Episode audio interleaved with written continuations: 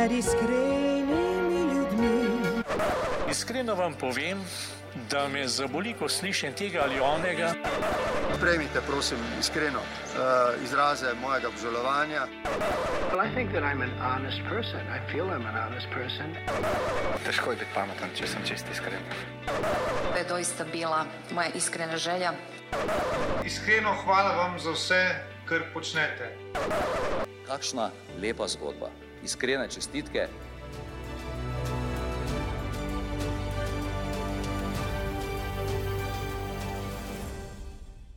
Drage poslušalke in spoštovani poslušalci, prisrčno dobrodošli v novi oddaji najbolj iskrenega podcasta, podcasta, kjer ne ustvarjamo mnen, ampak skušamo spremeniti kakšno srce. Moje ime je Dušan Poslek in danes gostim tri moške. Zdaj, mogoče se boste vprašali, kaj lahko pričakujete od pogovora med štirimi moškimi. No, malo vas še pustim, ne v negotovosti, eh, ampak o vsebini našega pogovora, ki je pred vami, pa veliko poveže dejstvo, da bo naša današnja rdeča, nič, rdeča nit sveti Jožef. V mesecu marcu, ko praznujemo praznik svetega Jožefa, pričenja se tudi eh, teden svete družine, smo v leto svetega Jožefa, ki ga je razglasil papež Frančišek in tako dalje. Zdaj, že samo ta dejstva, ki sem jih naštel, so verjetno sama po sebi dovolj, da je res najbolj primeren gost te današnje, naše današnje daje ravno uh, sveti Jožef. Zato v moji družbi pozdravljam najprej duhovnika Simona Potnika, ter dva ostala gosta in sicer Tomaža Kurmanška in pa Jrneja Dulerja. Simon, Tomaž, Jrnej, pozdravljeni in dobrodošli v najbolj iskrenem podkastu.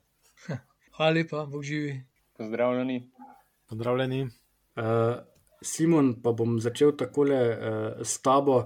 Um, ti si že več kot 20 let duhovnik, uh, sam praviš, da si zadnja leta predan iskalec žive in dejavne Eh, pastorale, si tudi spremljevalec in snovalec mladinske eh, in družinske pastorale, in da čutiš izjemno hvaležnost za papeža Frančiška in pa eh, njegovo realnost. Zdaj, pravno papež Frančišek je leto 2021 razglasil za leto svetega Jožefa, s čimer je ne, ob 150-letnici razglasitve svetega Jožefa za zavetnika vesoljne cerkve dal takšno posebno vrednost svetemu Jožefu. Kako bi ti, recimo, v parih stavkih povzel to odločitev eh, papeža, da s to razglasitvijo svetega leta v ospredje postavi ravno tega svetega moža? Ja, torej najbolj, da kar papež samo odgovori, a ne on gleda res široko sliko. Po eni strani čuti ta konkretni trenutek eh, eh, te naše uboge pandemije, pa se če ne bilo zdaj. Se, se tudi prej, pred pandemijo, smo imeli pač drugačno korono in drugačno Hkrati pa on opazuje tudi te predhodnike, svoje papeže, ne? za to leto 150 let, ker se naslanja na neko tradicijo, na neko moč. Uh, in on opaža v tej konkretni situaciji, torej papež, uh, se zaveda, da se pandemija ne bije na naslovnicah, uh, čeprav tako zgleda, ali pa v teh glasnih parlamentih, pa v protestih, takšnih in drugačnih. In on govori o mnogih zvestih, tihih borcih. Omenja zdravstveno osebje, šolstvo, organe pregona, trgovce, čistilke, varnostnike, kaj sem, duhovnike. Ne, koliko moči in upanja on pravi po njih, e, e, govori o molitvah staršev, starih staršev, očetov. Ne, in to je področje, ki je svetemu Jožefu zelo znano, domačo. Se mi zdi za to. Eh, hvala, eh, Tomaš. Eh, tudi ti, ko smo se tako pred samim snemanjem pogovarjali, si dejal, da si srečen mož, čudoviti ženi in pa oče štirih prisrčnih otrok. Povej, ko ti tako pomisliš na svetega Jožefa, kaj je tista prva tvoja misel, ki ti gre po glavi? Ja, svet Jožef je meni čist naravno, je vzor očeta, moža vzgojitelja. Zakaj? Zato, ker tudi moj oče je Jožef in me čist spominja na in svet Jožef in moj oče na enega vzornika, po katerem se ravnam, oziroma kjer ga tudi uh, prosim v raznih težavah, ki vedno pomaga. Um, Jer ne, če se še tako le tebe, tako za uvod, malo dotaknem, tudi ti si mi dejal, da si, um, da si oče dveh eh, hčera, si podjetnik, si pa tudi v prostem času športnik. Povej mi, kako tebe, recimo, nagovarja svet Jožef oziroma njegov zgled. Ja, um, zdaj, kar se tiče prve misli, če rečem za Jožefa, se mi zdi, bom rekel, mi predstavlja očeta Jezusu, um, bom rekel, mož Mariji. um, in definitivno, da jim stoji vedno ob strani in jim je na razpolago. Pa se ti zdi tako, recimo, Tomaš, ko se pogovarjamo o svetem Jožefu? Ne? Jaz vem, če primerjam recimo nekako izkušnje iz moje, iz moje družine, vem, da se o svetem Jožefu največ pogovarjamo tam v adventno-božičnem času, ne? potem pa uh, precej uh, manj. Kako pa recimo v vaši družini doživljate svetega Jožefa? Torej ne samo ti kot, kot oče, kot mož, ampak tudi, bom rekel, v življenju z, z ženo, z otroki in podobno. Pri nas vedno, kadar molimo, oziroma vsak večer, ko molimo, imamo tudi li, take male litanije naše družine in so tudi noter vsi, oziroma svetniki, nam najbolj ljubi. In noter je tudi sveti Jožef. Zakaj že takrat, eh, že zelo nazaj, ko smo iz ženo iskali nepremičnino, smo se zatekali k svetem Jožefu. In moram reči, da v Slovenki smo našli eno, ki je nama bila zelo všeč, sva rekla, da je idealna za nami, ampak jo nismo mogli kupiti, ker so jo prodajalci drugemu prodali. No, čez čas smo v mislini najdla drugo, uh, ki pa res, mislim, da je ena za, v našem pogledu najboljša delačna okrog. In kar je zanimivo, uh, podpisali smo pogodbo, ne, ved, ne na 19. marca, ki je praznik svetega Jožefa. Tako da, ja, vedno, kadar želimo kaj, oziroma um, se zatekamo k svetemu Jožefu, se zahvaljujemo. In sveti Jožef je zavetnik očetov, eh, obrtnikov, delavcev in krščanskih družin, pa pomaga tudi res izredno dobro pri iskanju nepremičnine. Tako kot je takrat, ko je, ko je šel v Betlehem z Marijo, pa Jezusom še v Trebuhu, ki je iskal prenočišče, je tudi uh, mogel se zelo potrudi, da najde eno prenočišče in zelo dobro ve, kako je biti v težavah. Tako da tudi tukaj zelo, zelo pomaga. Odlično, se mi zdi, da si res dal eno tako zelo lepo uh, primerjavo med iskanjem nepremičnine svetega Jožefa, takrat v njegovem času, in pa med tvojo situacijo. Uh, jer naj po teh uh, besedah, uh, ki nam jih je Tomaž zaupal, povej, kako pa ti recimo želiš, da bi vaša družina uh, spoznala svetega Jožefa, oziroma kaj je tisto, tista glavna lastnost svetega Jožefa, za katero si želiš, da bi jo poznali v tvoji družini? Ja, bom rekel, glavna lastnost se mi zdi uh, biti dober mož in oče, uh, ter se dati družini na razpolago. Uh, saj se vemo, da danes današnji čas je, bom rekel, ta delavnik in bom rekel, sam sem tudi podjetnik. Uh, kar težko si odrezati čas za vse aktivnosti, ki nas vlečejo v tem svetu. Uh, In uh, se mi zdi to biti mož in oče ena izmed najpomembnejših, zakaj, bili, zakaj sem mogoče jaz bil poslan na svet, se vsak ima tudi svoje poslanstvo, svoj zakaj.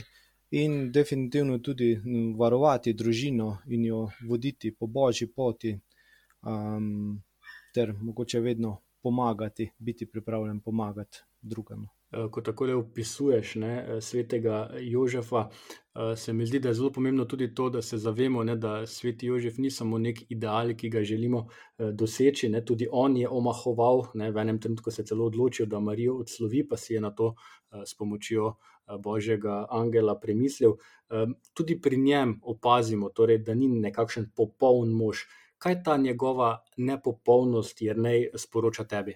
Um, ja, bom rekel, jaz, jaz jem pač rekel, kar se tiče navdiha pri svetem Jožefu, meni definitivno se mi zdi največji, največji uh, to, da zna slišati božji glas. To se pravi, sam kot podjetnik v tem, tej nemirnosti uh, zelo težko prisluhnem božjemu glasu in da je on znal slišati. Uh, In to celo večkrat, naprimer v sanjah ali kjerkoli, da naj bom rekel, gre z družino drugam, naj, naj zaupa božjemu klicu in ostane pri Mariji.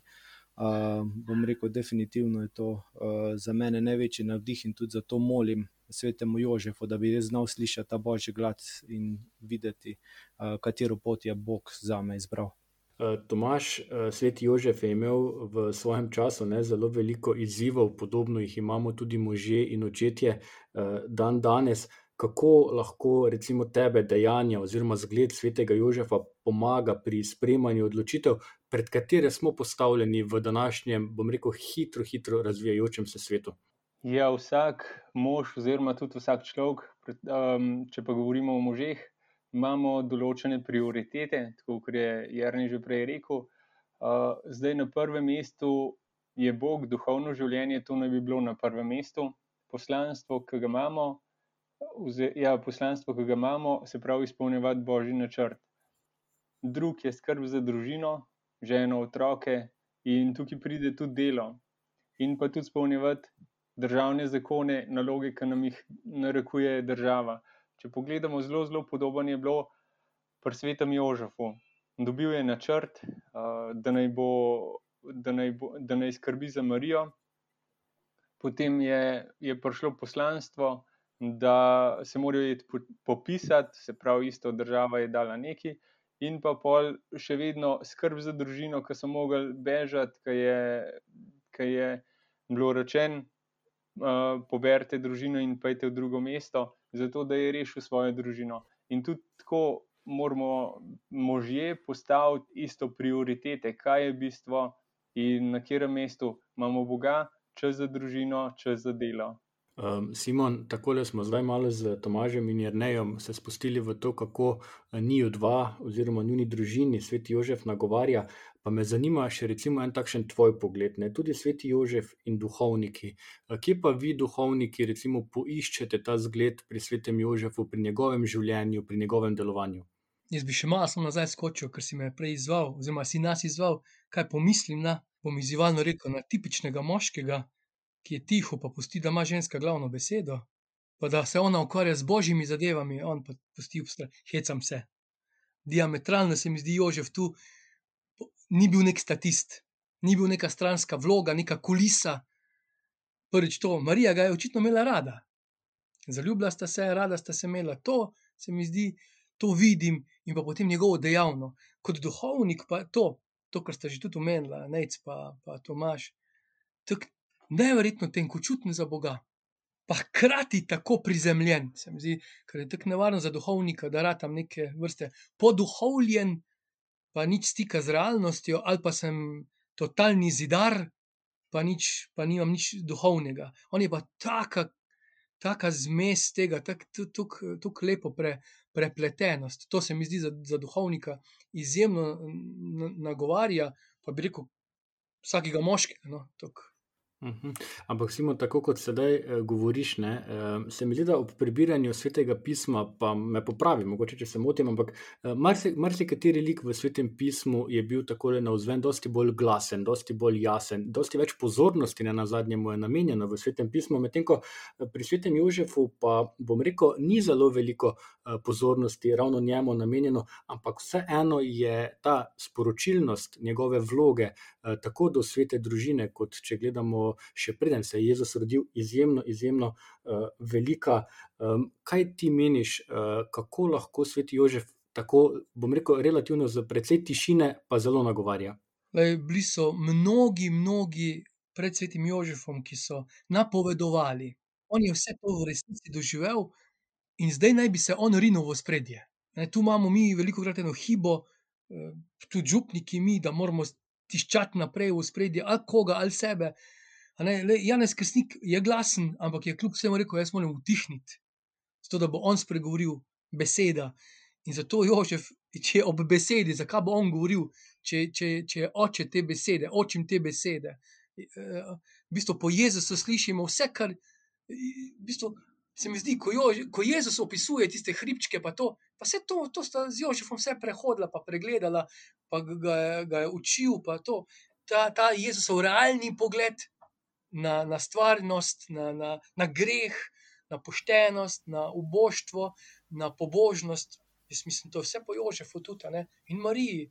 Tako da Jožef zelo glasno govori po Jezusu. Uh, Tomaš, uh, kot smo se že prej malo pogovarjali, ne, uh, sveti Jožef je znal zaupati, znal se je odzvati na božji klic in to je naredil uh, nemudoma. Uh, mene osebno, recimo ti njegovi hitri odzivi, s katerimi je večkrat rešil sveto družino, res zelo nagovarjajo. Pa me zanima, tako uh, Tomaš, pa je ne, kako vidva vidita uh, te njegove hitre odzive. Smo možje, očetje danes pripravljeni tako brezpogojno prisluhniti in se ravnati po uh, volji drugih. Ne? Ali je to po božji volji, ali je to po volji uh, koga drugega, ki nam želi nekaj sporočiti. Tomaš. Ja, tudi meni ta pripravljenost, brezpogojna pripravljenost zelo nagovarja. Je pa res, da smo moški, tudi jaz, doskrat nagnjeni na eno ali pa na drugo stran, kot je že prej Simon omenil. Na katero stran? Ena je tista, ki rečemo, da smo preveč bojazljivi. Naprimer, tako kot je v svetem pismu opisan Mojzes, Bog mu je naročil izpel ljudstvo iz Egipta, on se je pa uperil na vse možne načine, ne znam govoriti, kako me bo, bodo gledali. In tako se tudi mi uh, zelo, zelo velikrat upiramo tej božji volji oziroma božjim načrtom. Na drugi strani so pa ljudje, oziroma tudi smo, uh, kas, uh, kdaj podobni temu bogatemu človeku, ki pa reče, zdaj, ki mi je pa polje dobro obrodil, pa ne rabim nobenega drugega, zgradil bom velike žitnice, duša, zdaj imaš dobrin, kar hočeš za vrsto let, pij, jej, počivaj in bo dobre volje. No, in kaj mu Bog reče, neumnaš to noč bodo terjali tvojo dušo od tebe in kar si pripravil, čigavo bo. Tako bo s tistimi, ki sebi nabira zaklade, ni pa bogat pred Bogom. No, in tukaj sta dva primera, na eno pa na drugo stran. Uh, Jožef je bil pa glih nek vmes, se pravi, ni bil bojazljiv, je rekel: Bog, izpolnil bom tvojo voljo, pa ni bil sam vase zagledan, da bi rekel: Zdaj, zakaj pa rabim Boga. Uh, sam Bog vedno naredi tako, da je prav. Tudi moj zasvedel pol zraven Arona, ki je znal z besedami, in tudi Bog nas vedno če ne uspe prvič, na, nas nagovori drugič. Jožefu je poslal Angela, ki je rekel, da je vzem Marijo. Uh, tako da je polje lažje, Bog vedno naredi tako, kot je prav. Je pa res, ko si mož postal kompas, pa naravna smer, kaj je bistvo v življenju. Takrat pa ni več težava, brezpogojno presluhati božji volji in božjim načrtom vsi imamo določene prioritete, poslanstvo, čist vsi imamo pa čist enak cilj. In ko se ga zavedamo, zavemo, ko ga enkrat spoznamo, pa le res ni več težko slediti božji volji. Jer ne se tebi zdi, da recimo to zaupanje, ne, ki ga je sveti Jožef kazal s tem, ko je uh, poslušal uh, Boga, je to nek ideal, k kateremu mi, moški, mi očetje, uh, nekako stremimo. Uh, je ta ideal za nas dosegljiv ali je to nekaj, kar lahko pripisujemo le njemu? Kako recimo ti doživljaš uh, te njegove odločitve in to njegovo zaupanje uh, Božji volji? Ja, jaz definitivno menim, da v življenju je lahko vse zelo enostavno, če le dovolj zaupamo oziroma verujemo. Um, dejstvo pa je to, da moški vse prevečkrat uh, želimo vzeti vse stvari v svoje roke, uh, vse želimo narediti sami. Uh, tudi potem, mogoče, ko nekaj naredimo, um, bom rekel, vse zasluge pripisujemo sebi, le kako hišo sem zgradil, kaj se jaz naredil takrat, ko prijemo do nekega uspeha, tako je Tomaš omenil, pa pozabimo na Boga. In zato se tudi, mogoče jaz, jaz se definitivno v zadnjih letih eh, zelo učim, um, kako te vse skrbi in poti moje plane, to se pravi, preložiti na Boga, Bog ima načrt za me. In uh, kako slediti tej poti, ki je Bog izbral za mene, za nas. Uh, tako da bom rekel, se bolj kot ne vsak dan um, ukvarjam s tem zaupanjem, kako zaupati Bogu, da ostajam na pravi poti, ki je On za me izbral. Jer ne morem reči, da me je tole, kar si pravkar omenil, tole o naših, bom rekel, človeških načrtih, ki jih imamo, zelo nagovorilo. Tudi sam lahko mirne duše rečem, da sem si dolgo delal, bom rekel, pisal svoj planer življenja, dokler ni Bog rekel, hopa, ne, da bomo pa delali malo po moje, pa se boš ti malo prilagodil temu mojemu načrtu in ne bom tajil relativno, oziroma precej težko je sprejeti ne, to, eh, to božjo voljo, ta njegov načrt, ki ga ima za nas pripravljenega. Eh, pa me tole zanima, eh, Simon, tudi ti kot duhovnik, kako pa ti recimo sprejemaš to, bom rekel, božjo voljo, ki tudi vas, duhovnike, pogosto pelje po poteh, na katere mogoče ne računate ali pa niste vedno na njih pripravljeni. Pa se tu smo na istem, a veš, le. To ne gre, ni važno, si duhovnik ali nisi duhovnik. Le, že sploh ta tema, že ta podcast zdaj bo lahko kravžala, marsikomu živce, pa, pa trajno delala. Zakaj se imajo moški zdaj, to spolska področje, sploh v tem času. Kaj zdaj spet, kao da smo šovinisti zaradi tega. Ampak dejstvo je, recimo, ker se čas tako spremenja, ne, je upravičeno, da se vprašamo, kdo je moški. Jaz se sprašujem, kako naj bom kot župnik. Če se že sprašujemo, kdo je to družina, logično, da postaja taka vprašanja. In tu so razni vzgledi, ne? jaz pač izhajam iz tega. Hvala Bogu, sem imel priložnost srečati izjemne vzglede pobožnih mož, kar bi se za župnika bodočega spodobilo. Srečeval sem tudi ponižne moške, pa na kupe šovinističnih mačetov, filmi pop scene, pa tako naprej.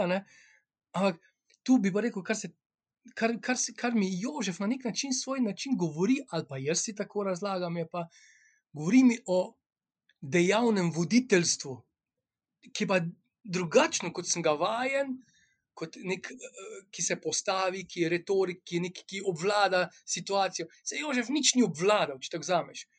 Predal se je gospodu, ampak, ampak je bil pa dejaven v tisti bedni, betlehemski, egiptovski, nazareški, kjerkoli sceni. Potem v Jeruzalemu ga očitno več ni bilo, bi še tam reševal situacijo, če bi lahko. Ne? In se mi zdi tu, ne vem, ne, ne morem reči, da gojim neko, pa mi je žal zdaj, ne, neko veliko pobožnost do Jožefa, čeprav mi je res dober zgled in vidim, da se mu bom vedno pogosteje priporočal.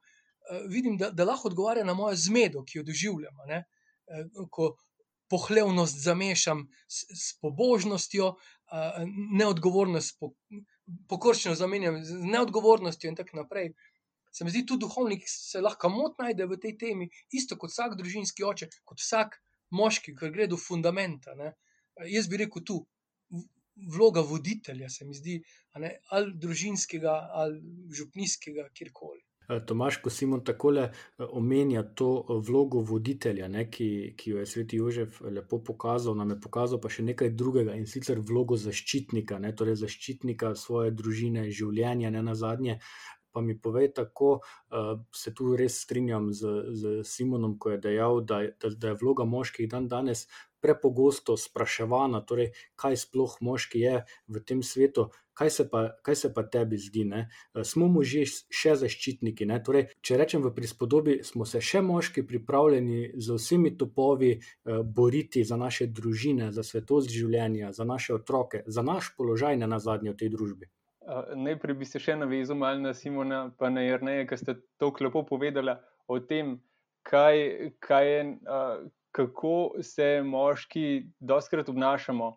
In če se navežem na svetega Jožefa, imamo res lep zgled, varoval je božjo skrivnost in jo izpolnjeval, ker je, ker je dobil načrt, da skrbi za, za družino. On ni, ki je Jezus prišel na svet, na svet on ni razglašal, je tukaj božji otrok, tukaj je Jezus ampak je to skrivnost varoval in je skrbel za družino. Naloga, to nalogo je imel Janez Krstnik, da je oznanjal Jezusa oziroma da je napovedal Jezusa. In tako smo mi dostkrat uh, eh, moški, da ka nam neki rata, takrat vse zasluge pripišemo sebi, ne pa Bogu. Čisto vse, kar imamo, kar koli naredimo, je, je vse to nam je dal Bog. Nismo si mi naredili, oziroma je bil sam božji načrt, da smo to izpolnili. A smo v današnjem času možje zaščitniki življenja, svetov življenja? Ja, oziroma jaz sem vesel, da prihaja to bolj v spredje. Zakaj bilo je v preteklem času malo pozabljen, moški so dobili drugo nalogo, oziroma smo kar malo pozabili, kaj je pa res bistvo. Da je, da je prvo, na prvem mestu izpolnjevati božjo voljo. Ker če to, če to delamo, pa vse ostalo pride ne si pa res za prisvajati zaslug, če nam je neki ratal. Uh, tako da sem vesel, da prihaja to v spredje, da bomo spet moški bolj zaščitniki življenja in družine. Je neko Tomaš tako le govori o tem, da moški prihajamo, oziroma naše vloge počasi prihajajo v spredje. Povej mi, kakšno je pa recimo tvoje mnenje? Če gledamo, oziroma če tako le opazujemo nas, moške, druge moške, može, uh, smo tisti, ki učimo z gledom, torej ki učimo najprej na, v naši družini z gledom, uh, v družbi, v kraju, kjer živimo in na zadnje v državi. Znamo stopiti naprej in reči, tako je prav. Ja, jaz definitivno menim, da ljudje ponavadi um, zelo veliko govorimo in bom rekel, nekaj govorimo, drugo, posebno drugo pa delamo. In to mislim, da vse posod pride naprej od, pri vzgoji otrok, ker otrokom nekaj govorimo, sami pa delamo čisto drugo. Tako je tudi na delovnem mestu, v okolju, kjer živimo. Uh, bom rekel, tudi zelo znamo biti kritični do politike ali česar koli, uh, da bi pa sami kaj za to naredili, nam pa zmerno uh, zmanjka, oziroma uh, nam zmanjka energije, nismo, nismo za to pripravljeni. Jaz, mogoče, rekel, kar se tiče učenja z zgledom, imam malo srečo ali pa smolo, da imam tri punce v hiši. Tako da potem, kar se tiče govorjenja, res ne prijem dosti do besede in ne morem dosti govoriti. Je pa dejstvo to, no, da se trudim, da bi živeli, bom rekel, z pravimi vrednotami, z krščanskimi vrednotami.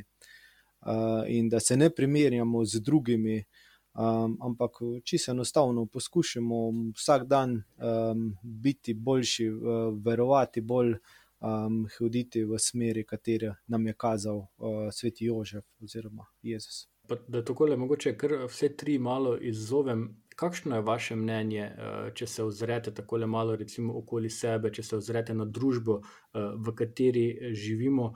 Um, imate občutek, da smo možje, očetje, kot sem že prej dejal, vodniki eh, naših družin, ali se nas počasi zamenjuje, skuša zamenjati eh, s čim drugim. Zakaj vas to sprašujem? Eh, predvsem zaradi tega vemo, da otroci ogromno časa preživijo na družbenih omrežjih, na internetu, njihove interakcije je vedno manj.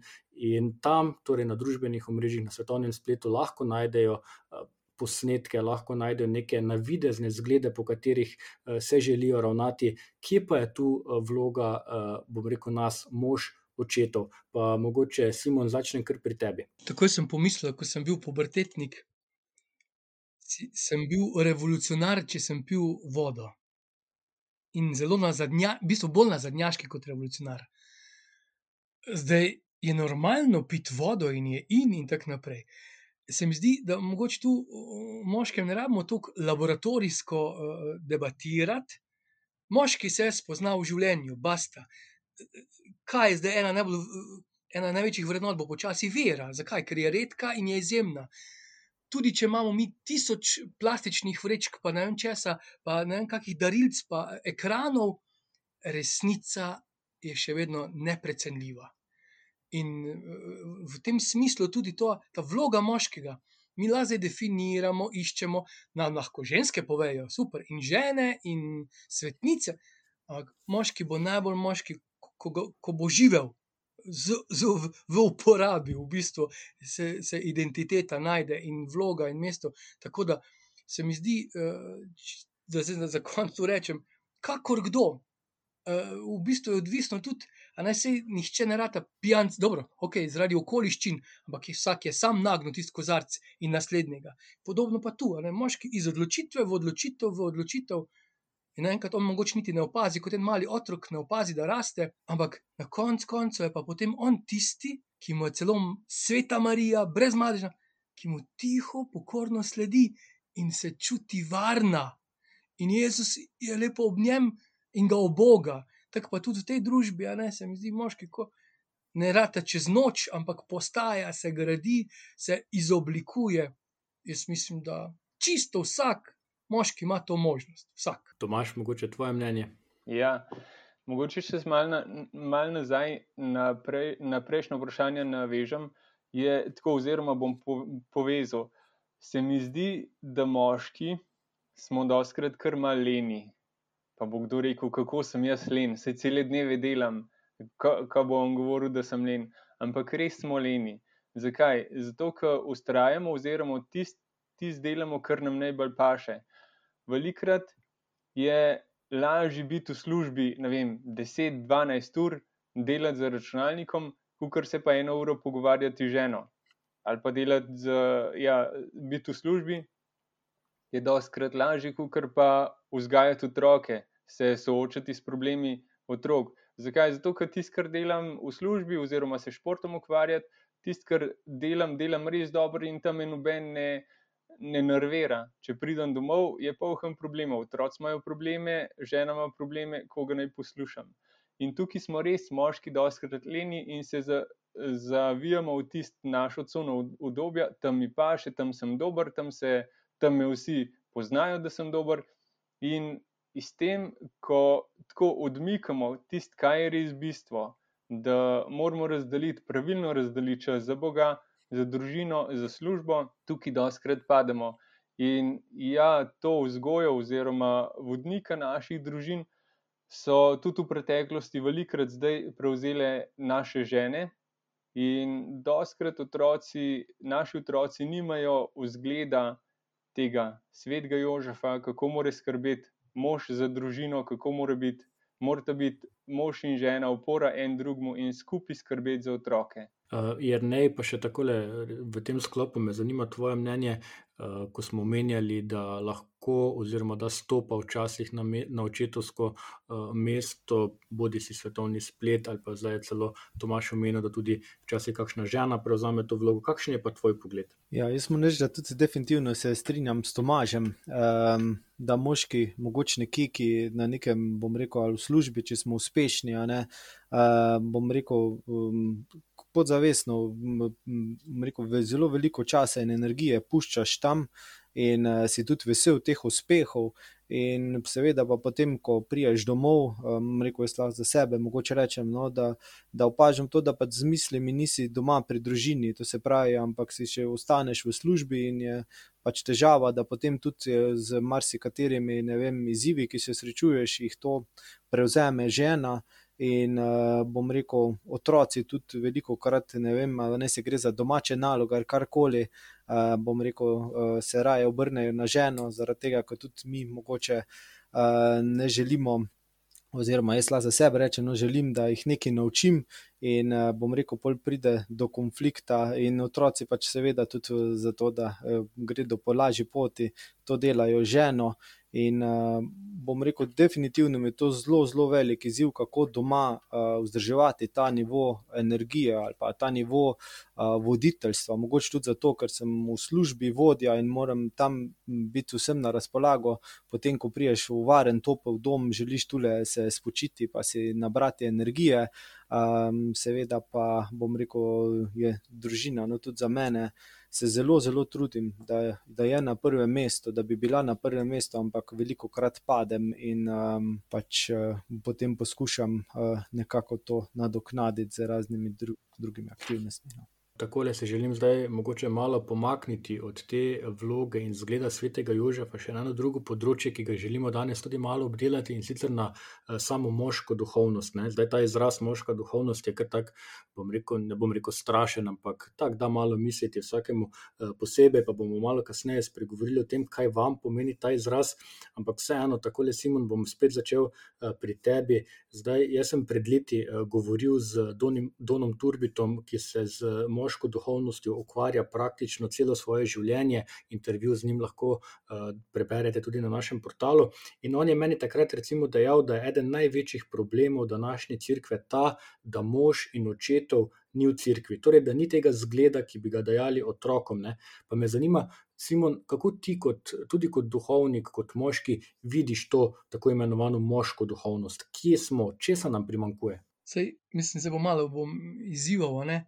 Zdaj, eh, kakšne barve pa je moška duhovnost, ali kosmata, ali kaj, ker smo moški taki, ali štorast. Ali kaj. Uh, kaj hočem reči? Recimo, gotovo, če bi jaz bil Simona, bi imel drugačen glas, drugačen stas, drugačno mišljenje, drugačno duhovnost, verjetno. Bi vse, do, ampak, torej, tudi če sem dobre volje. Je moja duhovnost takrat malo drugačna, ampak jedrno je pa isto. Tu pa imam, nosim svoj biti, torej, smer Jezus Kristus. Uh, se mi zdi to, to, to, to, kar je pri Jožefu čisto jasno, ampak tu se pa tukaj tudi ne razlikujemo, tudi ne od žensk, od moških. Naše poslanstvo, naše poslanstvo uh, uh, je prekvašeno z duhovnostjo. Tu pa pride na dan, da se, da se lahko uresničim kot moški. Tu pridejo pač do, jaz, mi, mi nimamo druge vere. Moški nima druge vere kot žena, ampak verjetno je način malo drugačen metoda, ki jo, ker imamo tudi pogled na svet malo drugačen, ker tudi reakcije imamo drugačne. In so temu primerno, potem rečemo, da je duhovnost moška, sem tako. Kar, kar se mi pa zdi to, ne rabimo zdaj moških emancipirati, kot smo prej že, že tako zgleda, kot da smo zdaj mi ogroženi. Se mi zdi, da ko damo vsebino, ko vstopi vsebina je dobrodošla. Torej, ko posije svetloba, malo zaskeli, torej, ko vstopim, moški, to ne zdaj, da bi zdaj, zdaj pa ne rabimo vas več žensk, da pa več ne rabimo, sploh ni res. Dejansko vse dobi, ko posije svetloba, vse dobi svojo pravo barvo in obliko in, in namembnost. Tako da tu, kar se tiče moške duhovnosti, bi raje rekel, naj bo. Moška duhovnost je najboljša, je tista, o kateri se ne govori, vodi pa moža in družino k Kristusu. Pomeni, najboljše dihanje je tistega, ki se ga ne zavedamo. Takoj, ko začnemo govoriti o dihanju, spremeni se puls, dihanje, živčnost, ko pa, ko pa, ko pa se športamo, ko pa dihanje pa samo poteka. Torej, ko moški zauzame svoje držo življenja, več ne rabimo toliko govoriti in pisati sto in en priročnik o moškem. Samo začnimo delati to, kar čutimo v genih, in pa to, kar je tudi naše poslanstvo. To pa tudi čutiš, ko ti žena reče, to je že tvoje poslanstvo, in ko te otrok rabi, to je tvoje prvo poslanstvo. In ko je človek bližnji, tukaj se že vrši moje moško poslanstvo in moška duhovnost. Ja, hvala. Uh, moram reči, da si res uh, kar malo nas, uh, nas izval, ne? pa bom tukaj na teh tvojih uh, besedah kar nadaljeval. Tomaš, recimo, če nekako se zdaj naslonim na to, kar je uh, pravkar uh, Simon dejal, ne povej mi, kako pa ti vidiš, pa zdaj ne bom rekel to moško duhovnost, ampak ta zgled moškega pri veri. No, jaz vseeno vidim moško pa žensko duhovnost malo razlike. Zato, ker smatram, da je tudi zaradi tega, ker imajo moški drugačne prioritete, drugačen način življenja kot ženske. In moški z moškim se drugače pogovarja, kot pa moški žensko, oziroma mož z ženo. In čist sam za podporo se sigurno narab tudi pogovarjati dva moška med sabo, kje imata izzive, in tudi pol mož in ženo, kje, kje so izzivi. Ženska rab drugačen način duhovnosti, kot pa moški.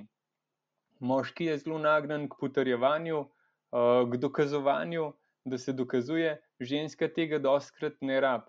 In tudi zaradi tega je duhovnost čist, čist, doskrat drugačna, oziroma način duhovnosti je drugačen. Cilj, tako kot je pa Simon rekel, je pa isti, oziroma Kristus je vodilo, kako moramo živeti, uh, da nas pa ne zanese.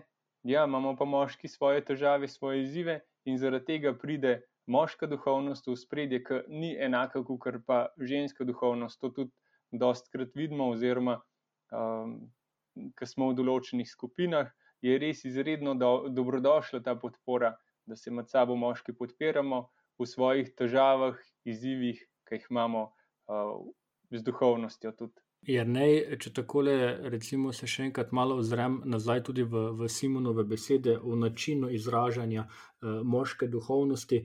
Recimo, jaz sam imam občutek, da je nam, moškim, včasih težko izraziti našo duhovnost. Ne? Kot pravi Tomaš, ja, sej, naš cilj je posebej enak uh, kot ženski, ampak se mi zdi, da je pa vseeno ženam tudi našim, ne, eh, včasih lažje eh, to svojo, narekovajo, duhovnost izraziti tudi javno, eh, bom rekel, tudi takrat, ko jo morajo zagovarjati in podobno. Se ti zdi, da smo možje dovolj samozavestni, da znamo stopiti v prvo vrsto in pokazati, da smo tudi mi pripravljeni zagovarjati te naše krščanske vrednote? Ja, jaz moram za sebe reči, no, da se to definitivno še učim, ne, kako delati to na pravi način, um, kaj je moje poslanstvo tukaj, kako delovati. Um, in definitivno, kaj je neka moja pot, moje cilji, neka božja pot.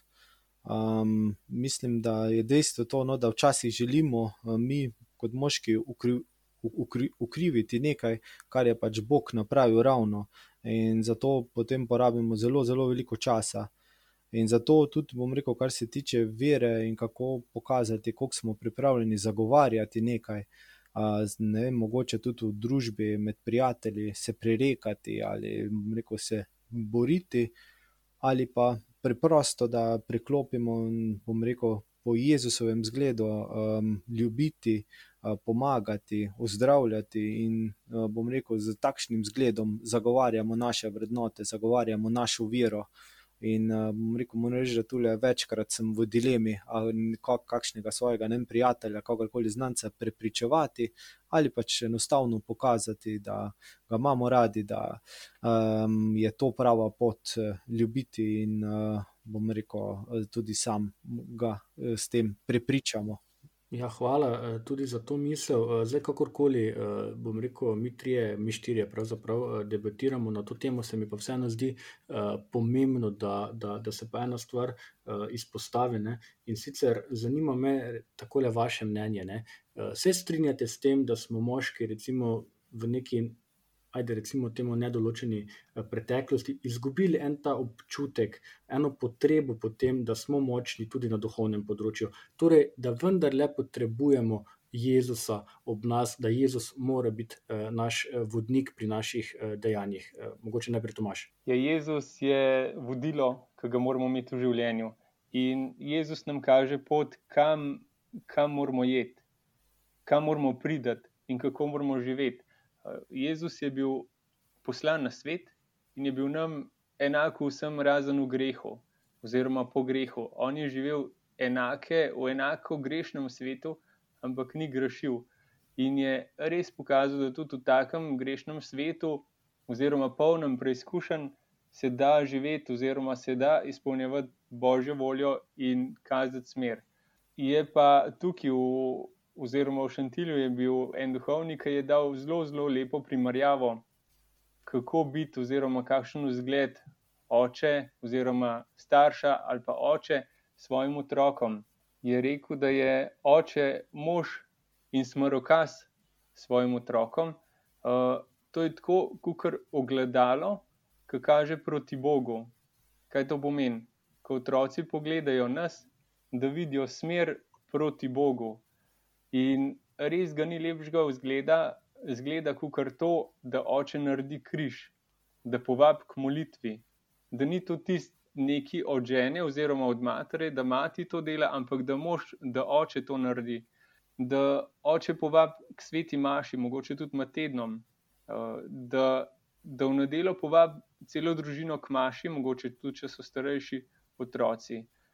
Um, in če se držimo tega, da je res, res naš cilj, da pridemo v nebesa, in še en drug cilj imamo, poleg tega, da pridemo v nebesa, da pripeljemo še koga sabo, je zelo razumljiv, da v prvi vrsti smo poklicani k temu, da pripeljemo, v, da naučimo naše otroke tako, da pridajo oni tudi takoj za nami v nebesa, oziroma, ja, kar nam je namenjen, tudi lahko pred nami se pravi, da smo smrokaz oziroma ogledalo, kam moramo jeti, oziroma tudi kam morajo jeti naši otroci. Ja, um, bom rekel, definitivno sem mnenja, da potrebujemo Jezusa v, v našem življenju, v svojem življenju. Um, saj tudi, bom rekel, sam sem rekel, v preteklosti, med študijskim obdobjem, se pač malo oddaljil od vere, pa tudi polje kasneje me je ta podjetništvo in vse skupaj malo, bom mislim, rekel, zaneslo. Uh, sem bil malo oddaljen in rekel, sem vse delal z svojimi rokami in s tem tudi, bom rekel, se precej izčrpal in um, rekel, bom rekel, sem bil čisto izpraznjen.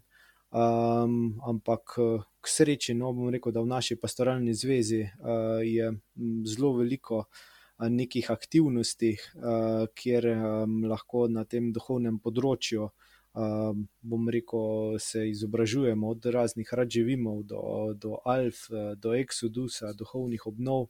In uh, bom rekel, s pomočjo tega, definitivno iščem nazaj pot k Jezusu, iščem nazaj po pot k nebesu. No, in se definitivno strinjam k Tomažu, ne, kako uh, tudi ostale pripeljati v nebesa. To je definitivno en tak uh, moja želja v življenju, kako uh, več ljudi nagovoriti v tej smeri. Uh, Simon, mogoče preden mi še ti odgovoriš uh, na to vprašanje, bi te želel izvati še, še z enim drugim uh, stavkom. Uh, recimo, takole, ko se ozremo uh, po crkvah, ko se ozremo po župnijah, uh, po vlogah, ki jih imamo lajki v župnijah, prepogosto, vsaj po mojem mnenju, opazimo, da so tudi duhovniki, oziroma da ste duhovniki obdani z kar nekaj, bom rekel, ženskami, ki so pripravljene pomagati, delovati in podobno, medtem ko je moških eh, bistveno manj. Ne? Kako recimo ti tudi v svem, tem svojem duhovniškem poslanstvu doživljaš vlogo mož, torej to sodelovanje oziroma to podporo. Pri tvojem duhovniškem poklicu, da ne prihaja samo uh, od žensk, ne, ampak da imaš sabo, za sabo tudi može, ki ti pomagajo prvo tisto, ali smo zgubili, zgubili smer. smer. Uh, to je tako vprašanje, se mi zdi čisto osebno. Vse so sponi in so paci. Tako je pa tudi v enem obdobju, če sem bil v ne vem, kakšni družbi, me je dvigovala, če sem bil v drugi družbi, sem bil potrd, sem bil žalosten, sem ali pa sem bil vase zagledan. Isto je pa glede vloge moškega. Tudi ne so obdobja, ko je enostavno bilo biti neki dober moški, ne samo mogočen, pa so spet verjetno obdobja, kjer je to precej težko. Tako je to. To, da pa, da, da, pa, da pa je to težko, pa da, da, je lahko tudi priročni izgovor. Ker se mi zdi, o vzgoji govoriti je veliko lažje, kot pa biti vzgojitelj, kot pa vzgajati. Tako da to je lahko tudi en tak naš handicap, ko se zgovarjamo. Kar se pa zdaj tiče, ne vem, ja, jaz bi rekel, ja, je na prvi pogled zelo res. Po drugi strani pa sam vidim, da zdaj kar po nekaj letih se gibljem vedno več družbi, kar mi tudi paše. Normalno, v teh bratovščinah in, in skupnostih, vedno več moških. Ne? Pa to niso ne pavšalne skupnosti, kot so včasih bile, ključari, naši bogi, dobri ljudje. Pa nismo vedeli, ali bi molili, ali bi delali, ali kaj. Ampak tu zdaj pa je konkretna moška, iskrena beseda, tudi skupna molitev. Tako da, ne vem, spomnim se, ko sem vstopil v pastoralo bolj samostojno, potem kot župnik, sem prvo poiskal zakonske skupine, se mi zdi, to, bil, to, to se mi zdelo jedrno, tam, se, tam je življenje, vse drugo so potem specializacije, bolj stranske veje. Kasneje pa potem tudi šel s pastoralo tja, ker mi je najbolj naravno, torej moja starost, moj spol. Najlažje komuniciram z moškimi, ampak je pa tudi potrebno pač kar nekaj iskrenosti, mogoče je bilo treba nekaj iznajdljivosti, zdaj pa vidimo, ne samo da je to popularno, in, ampak je normalno. Tako da tudi to se da, se spremenja. In ni res, da so moški samo eni runkli za delo, ko so obnove, tako da dobimo moške, marsikaj župnik to reče. Ni res, z moškimi zdaj moram reči, da se daleč najbolj iskreno pogovarjam, in tudi naše molitve so močne. Tako da tudi moška duhovnost je možna. Ampak se ti zdi, da je to, ta pripravljenost možne, eh, o kateri zdaj ti govoriš, ne, da se je to vseeno zdaj nekako obrnilo, obrnil ta trend v zadnjih letih? Zakaj te to sprašujem? Če jaz gledam recimo generacijo nad sabo, torej mojega očeta, mojega detka in podobno, se mi zdi, da se o takšnih zadevah, kot je eh, poimenujemo zdaj spet moška duhovnost, molitev in podobno, ni veliko pogovarjalo. Temu se ni dajalo praktično nikakršne pozornosti. Zdaj pa vendarle ne pri teh mlajših generacijah, pa to prihaja v spredje. Je to nek trend, ki se je vendarle obrnil? To je en vidik, drug vidik je tudi to, gledaj, veruk je bilo, druga pa ni bilo kaj. Se se tudi v svetem pismu ni pogovarjalo, med mašo so rožnjeni smoli, pa pred mašo, pa poma, nič slabega. Ampak torej, to so zdaj razna področja, ki se zdaj uživljajo. Bilo je prej eno tako vzdušje, ki smo mu rekli krščansko, na kar se je zdaj pokazalo po, po stotih letih ali pa tisoč sedemstotih letih, se zdaj vidi, da je prazna lupina, da se gremo neko kulturo, neko, neko folkloro, vsebine pa ni. In podobno pri moškem tudi, ne? ko se pa začuti vsebina. Ne vem, jaz recimo ti naši družinski, družinske zadeve, družinski rad živim, pa to. Možakari smo na začetku zelo previdni, štorasti, ker mislimo, da bomo morali ne vem kaj, potem ko se pa začuti, da je vsebina, da je stvar na trdnih tleh, pa vidim, da, da, da, da, da tudi možakari vstopajo. Tipičen primer recimo, je ta Exodus, ne, ki ga živimo. Ne vem, koliko bratovščin je zdaj že pri nas. Uh, uh, na začetku se je zelo, zelo previdno stopili. Jaz sem bil zelo skeptičen, sam osebno, pred tremi leti ali zdaj že štiri. Uh, ampak zdaj, zdaj ko, ko imamo pa izkustvo, uh, se številka kar veča. Ne? Pa ne gre za to, da bi bilo zdaj popularno, ampak gre za to, da je pristno, da je močno, in se marsikdo lahko prepozna v tem. Uh, Jer ne, tako le Simon je zdaj se mi zdi na lep način uh, ovrednotil to, da možje uh, potrebujemo tudi to izkustvo povezovanja. Ne? Kako pa recimo ti doživljaš to, da tudi recimo v Sloveniji imamo v zadnjih letih res priložnost se možje povezovati med sabo skozi različne skupine, skozi različne gibanja, kjer lahko poglobimo odnose tako do žene, do otrok, ovrednotimo tudi našo vero. Kako ti gledaš na to? Ja, jaz moram reči, da sem definitivno zelo hvaležen in mislim, da nas Bog skozi to zelo blagoslavlja, no, da imamo, bom rekel, če že začnemo z nekimi zakonskimi skupinami, kjer se moški tudi uh, družimo, seveda zraven, potem pa uh, bom rekel temi bratovščinami, kot je Simon omenil, naprimer Exodus ali pa razne duhovne obnove. Da imamo to možnost, jaz mislim, da je to zelo, zelo pozitivno vpliva na moškega, na moškost. Uh, um, bom rekel, so bratje, tam se pogovarjamo um, res uh, o stvarih, ki jih uh, ne bi delil, tudi ne z prijatelji, ker pač uh, imaš drugačen odnos z njimi. In uh, bom rekel, res, res sem hvaležen, um, da sem lahko tukaj zraven. Ter da tako tudi skupaj s tem raste moja vera. No, jaz mislim, da tudi uh, z vzgledi, zelo veliko teh bratovščinah je vzgledov, ne, to se pravi, nekdo pa dela malo drugače kot jaz uh, in tako želiš to preizkušiti. In vidiš, uh, bom rekel, in moja vera, definitivno uh, s bratovščinami, oziroma s temi duhovnimi obnovami, zelo, zelo raste, kar sem pač zelo, zelo hvaležen vsem, ki se razdajajo in, uh, in nam služijo. Tomaš, mogoče še tako le, proti zaključku tega našega pogovora, kako pa ti uh, doživljaš ravno te skupine, povezovanje, deljenje izkušenj? Te skupine so res ena velika podpora. Tako kot smo prej rekli, moška duhovnost. Jaz sem mnenja, da jo vsak rab, moški, zakaj? Moški se doskrat iščemo, kaj prav, kaj narobe. In enkrat tudi tukaj na Exodusu je bilo, je, bil, je bilo eno razmišljanje, da človek, ko je se nasit, pa je spet lačen.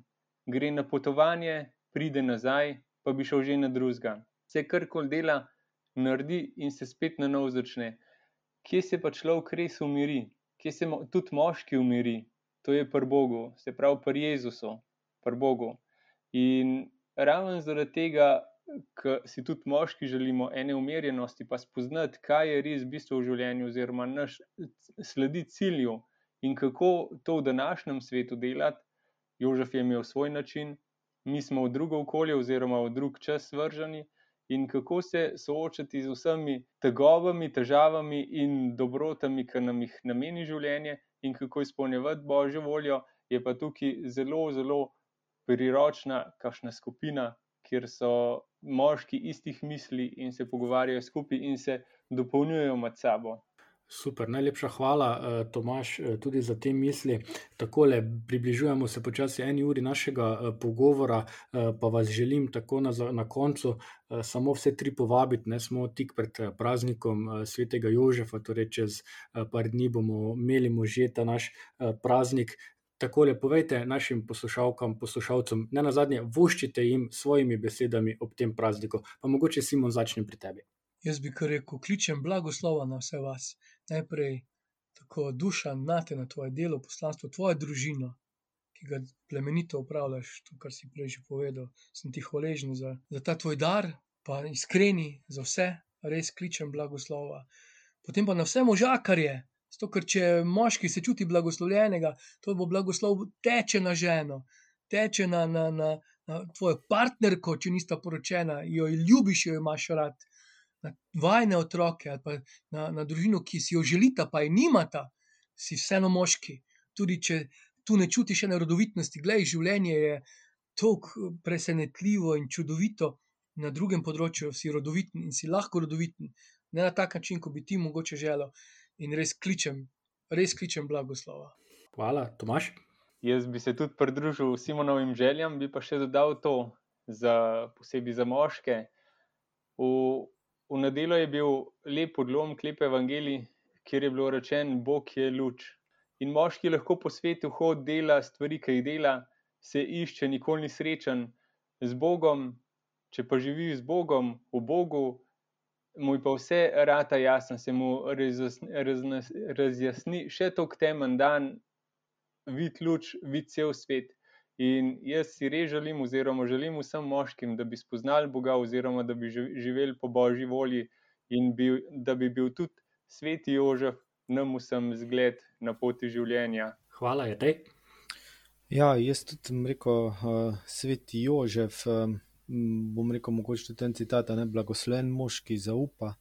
Um, sam tudi menim, da z uh, vero in um, bom rekel, m, z zaupanjem um, v Gospoda, v Jezusa, v Boga, um, da bi znali uh, živeti kot pravi možje in, uh, bom rekel, voditi naše družine v nebesa in zraven popeljati še naše prijatelje, sodelavce in um, vse ljudi na svetu. Tako, uh, hvala še enkrat vsem trem, predvsem vam hvala tudi za te uh, zaključne misli. Mislim, da smo na en zelo lep način uh, zaključili tale naš pogovor. Vse vas, drage poslušalke in spoštovani poslušalci, ki ste prisluhnili temu pogovoru, pa bi ga mogoče želeli slišati še enkrat, oziroma vse tiste, ki bi želeli slišati tudi naše pretekle oddaje, pa res lepo povabim, da poiščete te naše oddaje, ta naš podcast v eni izmed knjižnic, ki vam jih potem tudi ponujamo.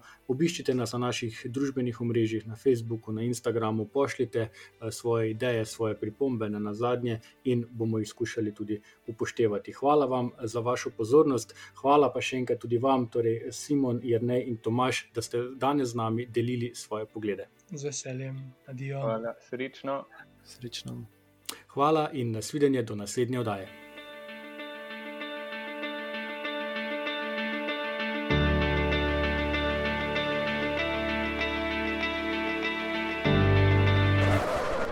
Iskrenimi ljudmi. Iskreno vam povem, da me zaboli, ko slišim tega ali onega. Sprejmite, prosim, iskreno uh, izraze mojega obžalovanja. Well, I think that I'm an honest person. I feel I'm an honest person. Težko je biti pameten, če sem čist iskren. To je doista bila moja iskrena želja.